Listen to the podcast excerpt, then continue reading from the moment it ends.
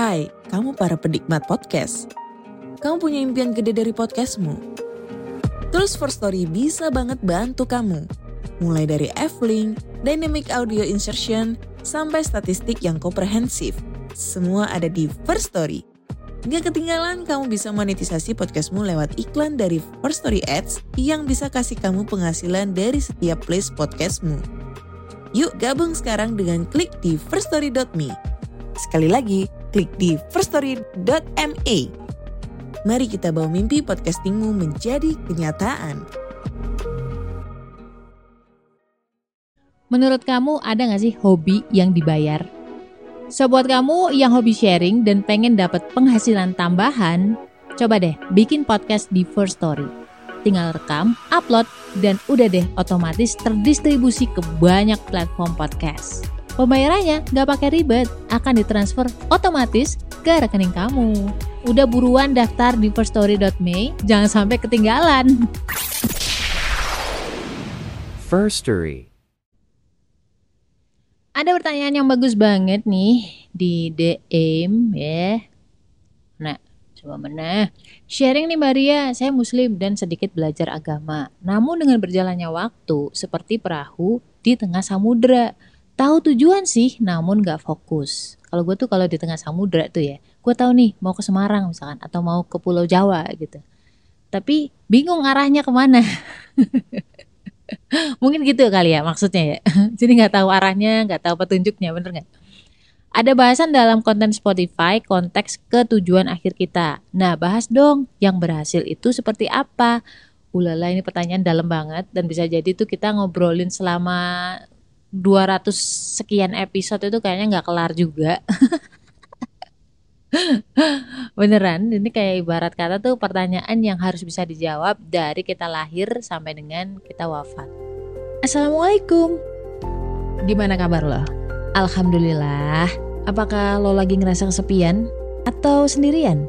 Kenalin gue Ria Marliana, teman healing lo di podcast Self Healing. Di sini kita bakal ngobrol bagaimana sih belajar berdamai dengan luka, tentu aja atas izin Allah Subhanahu wa taala. Semoga Allah sembuhkan lukamu, ringankan bebanmu dan kuatkan hatimu. Sebelum kita tahu kita berhasil atau enggak nih di dunia ini, sampai ke tujuan atau enggak di dunia ini, kita harus tahu dulu nih, apa sih tujuan lo hidup? Iya ya, apa sih tujuan kita hidup ya enggak?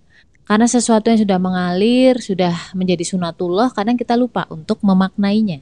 Kayak moro-moro gitu, moro-moro. Ujuk-ujuk, ya udah kita lahir ya nanti kita sampai dewasa sampai akhirnya mati. Tapi terus pertanyaannya adalah, masa iya sih cuma gitu doang hidup? Terus ngapain kita disuruh hidup kan gitu?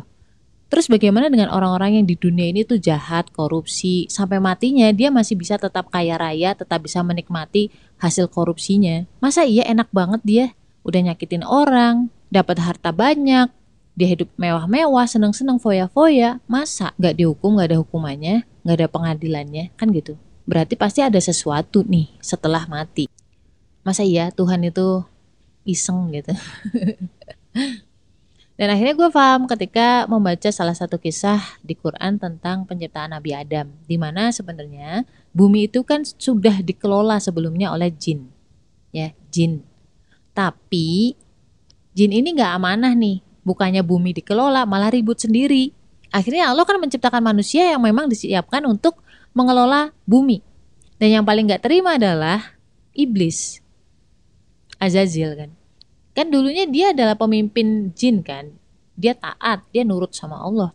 Begitu diciptakan Nabi Adam yang mana ini adalah perwakilan atau representatif dari manusia yang akan mengelola bumi, yang akan menggantikan posisinya di bumi, yang akan menggantikan kekuasaannya ibaratnya itu dia nggak terima dia nggak mau kalah gitu loh kayak dikalahin sama junior egonya main egonya si iblis ya sama lah kayak misalkan ada owner perusahaan udah ada senior yang kurang baik lah ibaratnya terlalu egois memenuhi egonya doang di perusahaan itu sampai akhirnya perusahaannya kocar kacir lalu si owner mendatangkan juniornya orang baru nih datang suruh mengelola perusahaan.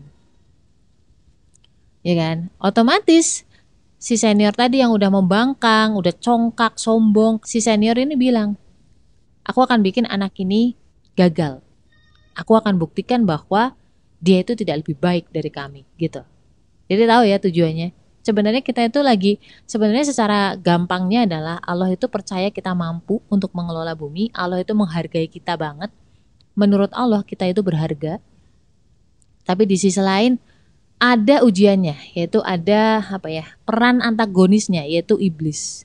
Iblis itu yang kalau di sinetron-sinetron Indosiar itu adalah uh, orang yang iri, dengki karena kedudukan kita, akhirnya pengennya kita jatuh menjadi golongannya mereka. Jadi tujuan kita apa? Bisa jawab nggak? Ini kan global ya. Tujuan globalnya adalah kita itu amanah. Kita kan diserahi bumi. Bumi itu diciptakan untuk dikelola oleh manusia, dikonsumsi oleh manusia. Tapi jangan sampai merusak. That's the point. Secara global, globalnya manusia. In generalnya kayak gitu. Jadi kalau misalkan ditanya apa tujuan hidup lo, itu mungkin agak sulit ya untuk menjawabnya. Tapi kalau misalkan redaksional pertanyaannya gue ganti dengan kata-kata eh dengan pertanyaan apa sih yang lo cari dalam hidup lo? Ya sekarang kalau misalkan lo mau nyari, gue mau nyari karir yang tinggi banget sampai jadi direktur utama, ya kan? Gaji sekian miliar per tiga hari, lebay. Let's say kita itu menuju mesin waktu. Kita menuju berapa ya? Mungkin 50 tahun lagi dari sekarang atau 30 tahun lagi dari sekarang. Lo udah sangat tua, lo udah dapat semua yang lo mau nih. Terus lo sekarang udah usia 56 tahun. Di mana lo baru saja taken uh, apa ya istilahnya dokumen retirement, dokumen pensiun. Oke okay, sebulan dua bulan tiga bulan lu merasa bahwa happy hahaha bisa jalan-jalan ke mana-mana bebas nah begitu enam bulan menjelang satu tahun lu akan merasakan kayak semacam kehampaan. Lu kangen buat kerja lagi. Pernah nggak ngerasain? Kalau nggak pernah coba bayangin. Bisa bahagia nggak lu kalau misalkan kayak gitu? Atau lu akan mencari tujuan yang lain yang bisa bikin lo bahagia memenuhi memenuhi rasa bahwa lo itu berharga di usia 50, 60, 70 tahun di mana lu nggak tahu lagi apakah besok masih hidup atau enggak dan lu mencari masih mencari bagaimana caranya lu merasa berharga agar bisa merasa bahagia. Bisa? I don't think so. Banyak orang tuh tahu bahwa tujuan mereka itu adalah bahagia, tapi tidak banyak yang tahu cara untuk mencapai kebahagiaan. Masalah kita tuh itu. Kita salah memaknai kebahagiaan, kita salah memaknai dunia. Nah, yang jadi perkara adalah ketika sudut pandang kamu, sudut elevasi Allah, sudut elevasi gitu ya. sudut pandang lo ternyata tidak benar, tidak tepat. Akhirnya apa? Lu semakin jauh, semakin jauh, semakin jauh dari hal yang seharusnya kamu tuju.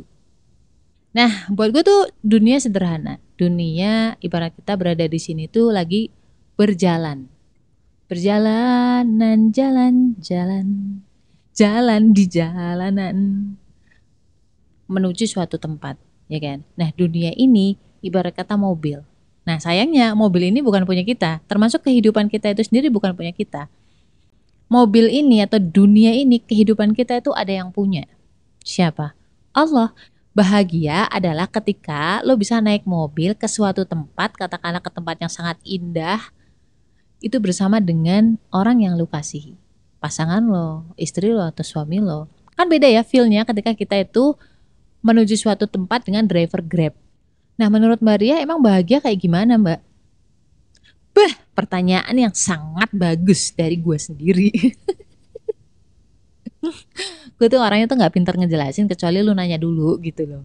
Ya kan? Makanya gue sangat berterima kasih kalau misalkan ada yang nanya ke gue. Itu kayak memantik otak gue untuk berpikir lebih kritis gue mengalami banyak hal gue mengalami ketika di atas di bawah di samping di kanan di kiri ya kan? Di depan di belakang. Dikhianati disakitin mungkin sempat juga menyakiti dan kawan-kawan. Sampai usia gue saat ini gue berpikir bahwa ternyata bahagia itu letaknya di hati ya. Dan tidak ada yang bisa menyentuh hati kecuali sesuatu yang berasal dari hati. Maksudnya ya contohnya uang. Contoh uang nih lu dikasih uang sama orang tapi dengan cara dilempar ke muka lo. Kira-kira gimana? Ya nggak apa-apa mbak, yang penting kan uang. Oh ya? Lu coba deh tanya ke hati lo, bahagia nggak kalau misalkan lu tiap hari digituin? Iya dikasih uang, dikasih gaji setiap saat, setiap bulan, tapi lu dimarah-marahi, dimaki-maki, tidak dimanusiakan gitu. Lu bahagia kayak gitu? Dan bukan cuma kerjaan ya, bukan cuma duit, bukan cuma kerjaan, bahkan mungkin pasangan. Tapi ada banyak hal yang tidak membuat lu ridho. Bikin lu kayak senep gitu. Bahagia kayak gitu? Enggak juga. Kalau ini adalah persoalan hati, ya berarti siapa yang maha membolak-balikan hati kalau bukan Allah. Jadi bahagia lo ngerasa ridho sama Allah. Dan siapa yang membuat hati kita ridho? Ya cuman Allah. Lo mau apa coba? Mau menghibur diri? Mau membaca 100 buku setiap hari? Kalau Allah bilang hati lo nggak ridho, ya nggak ridho. Berat rasanya. Jadi bahagia menurut gua itu adalah ketika kita bisa ridho bahwa Allah itu Tuhan kita. Dan akhirnya Allah membuat kita ridho. Dan Allah akan membuat jalan-jalan di depan kita itu terasa lebih ringan. Jadi kita tidak berjalan sendirian di kehidupan ini. Kita jalan bareng sama Allah. Yang jadi masalah ketika kita tuh tidak kenal dengan driver hidup kita. Kita tidak kenal dengan Allah, karakternya seperti apa, nggak pengen kenal, tidak mau maknai, nggak mau ngobrol, nggak mau dengerin Allah ngomong apa gitu kan. Kita malah asik sendiri, ngalamun sendiri, memenuhi ego kita sendiri. Terus tahu-tahu mobilnya harus berhenti dulu di pom bensin atau tiba-tiba mogok dulu, macet dulu, berhenti dulu. Akhirnya kita apa? Uring-uringan. Karena apa? Karena kita nggak kenal dengan drivernya. Dan kalau nggak kenal maka nggak akan pernah bisa ridho, nggak akan pernah bisa sayang. Bayangin kalau misalkan kita dalam perjalanan nih, tapi bareng sama orang yang kita kasihi, contohnya pasangan, ya kan, ayah kita atau ibu kita, suami kah atau istri kita. Ketika kita harus lewat kanan, lewat kiri, berhenti dulu di mana, berhenti dulu di sini, tidak sesuai dengan rencana awal, nggak masalah. Karena apa? Karena kita sayang sama orang ini. Kita kenal sama orang ini. Perjalanan itu menjadi perjalanan yang membahagiakan. Mau lu nggak menikmati atau tidak menikmati, jalannya akan sama, sama-sama 10 jam atau 12 jam. Cuman ketika kita menikmati perjalanan itu rasanya jadi nggak berasa tahu-tahu eh udah sampai aja nih gitu kan. Beda dengan orang-orang yang tidak menikmati perjalanan, dia hanya worry telat, aduh nanti kalau telat gimana ya, aduh kalau nanti misalkan mobil rusak gimana ya, aduh misalkan kalau nanti aku ditipu, aku dibajak, dijahatin sama drivernya gimana ya gitu kan. Buruk sangka kan. Bisa menikmati perjalanan kayak gitu? Percayalah, ketika itu terjadi yang harusnya 12 jam itu rasanya tiga tahun beda ketika kita itu berjalan dengan orang yang memang kita kenal kita ngobrolnya enak kita percaya kita nyaman kita kenal dengan drivernya yang 12 jam itu rasanya seperti 30 menit gak akan merasa tersiksa begitulah hidup Nah pertanyaannya gimana caranya biar kita bisa menikmati perjalanan biar kita itu bisa engage dengan Allah. Gimana mbak prakteknya? Sederhana, berdoalah. Tujuan utama doa bukan untuk merubah realita, tapi agar kita tuh kuat menghadapi realita. Ya, karena di saat kita berdoa itu kita kayak ngobrol sama Allah. Kita making a connection. Dulu Imam Syafi'i itu pernah bilang bahwa Apakah engkau mengejek dan meremehkan doa? Engkau tidak tahu apa yang bisa dilakukan oleh doa. Doa ibarat anak panah yang dilepaskan di malam hari, tidak akan meleset. Akan tetapi, anak panah tersebut ada waktunya yang dibutuhkan untuk mengenai sasaran dan setiap waktu pasti ada akhirnya. Dan Rasulullah pun pernah bersabda, Berdoalah kepada Allah dalam keadaan yakin bahwa doa tersebut akan dikabulkan dan ketahuilah bahwa Allah tidak akan mengabulkan doa dari hati yang lalai, yaitu hati yang tidak yakin bahwa doanya akan dikabulkan. Ini poin paling penting dari diri kita sendiri adalah kita lupa bahwa yang menguatkan kita adalah koneksi kita dengan Allah melalui doa. Nah, kita selama ini ragu dengan doa kita karena apa? Merasa bahwa kita nggak pantas dikabulkan doanya. Betul, itu tidak salah. Tapi, kalau lu kenal siapa Allah, lo akan berdoa atas namanya. Atas nama bahwa Allah itu maha pengasih, penyayang, dan Allah maha mengabulkan doa. Seperti kata Allah di surat Al-Mu'minun ayat 60. Berdoalah kepadaku, niscaya akan kuperkenankan bagimu. Di situ kita nggak yakin. Karena apa? Karena kita nggak kenal siapa Allah. Berdoalah agar kita diyakinkan dalam setiap doa-doa kita. Bukan karena kita baik loh. Bukan karena amal kita loh. Tapi karena Allah yang maha baik. Karena itulah sifatnya Allah. Allah maha mengabulkan doa. So, mudah-mudahan Allah selalu menyertai kita, selalu membuat kita merasakan bahwa kita disertai olehnya. La haula wala quwata illa billah. Stay love and assalamualaikum warahmatullahi wabarakatuh. Buat teman-teman yang pengen nambahin cerita gue atau pengen nanya-nanya, boleh banget klik link komen di bawah. Di bawah mana? di deskripsi box.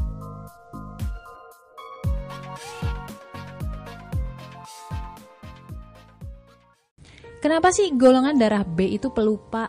Susah banget ingat nama. Orangnya juga cuek, nggak pekaan, nggak perhatian. Kenapa coba? Bedah itu semua dari buku cerita tentang karakter golongan darah B dengan judul Beauty in a Beast. Order sekarang, link di bio ya.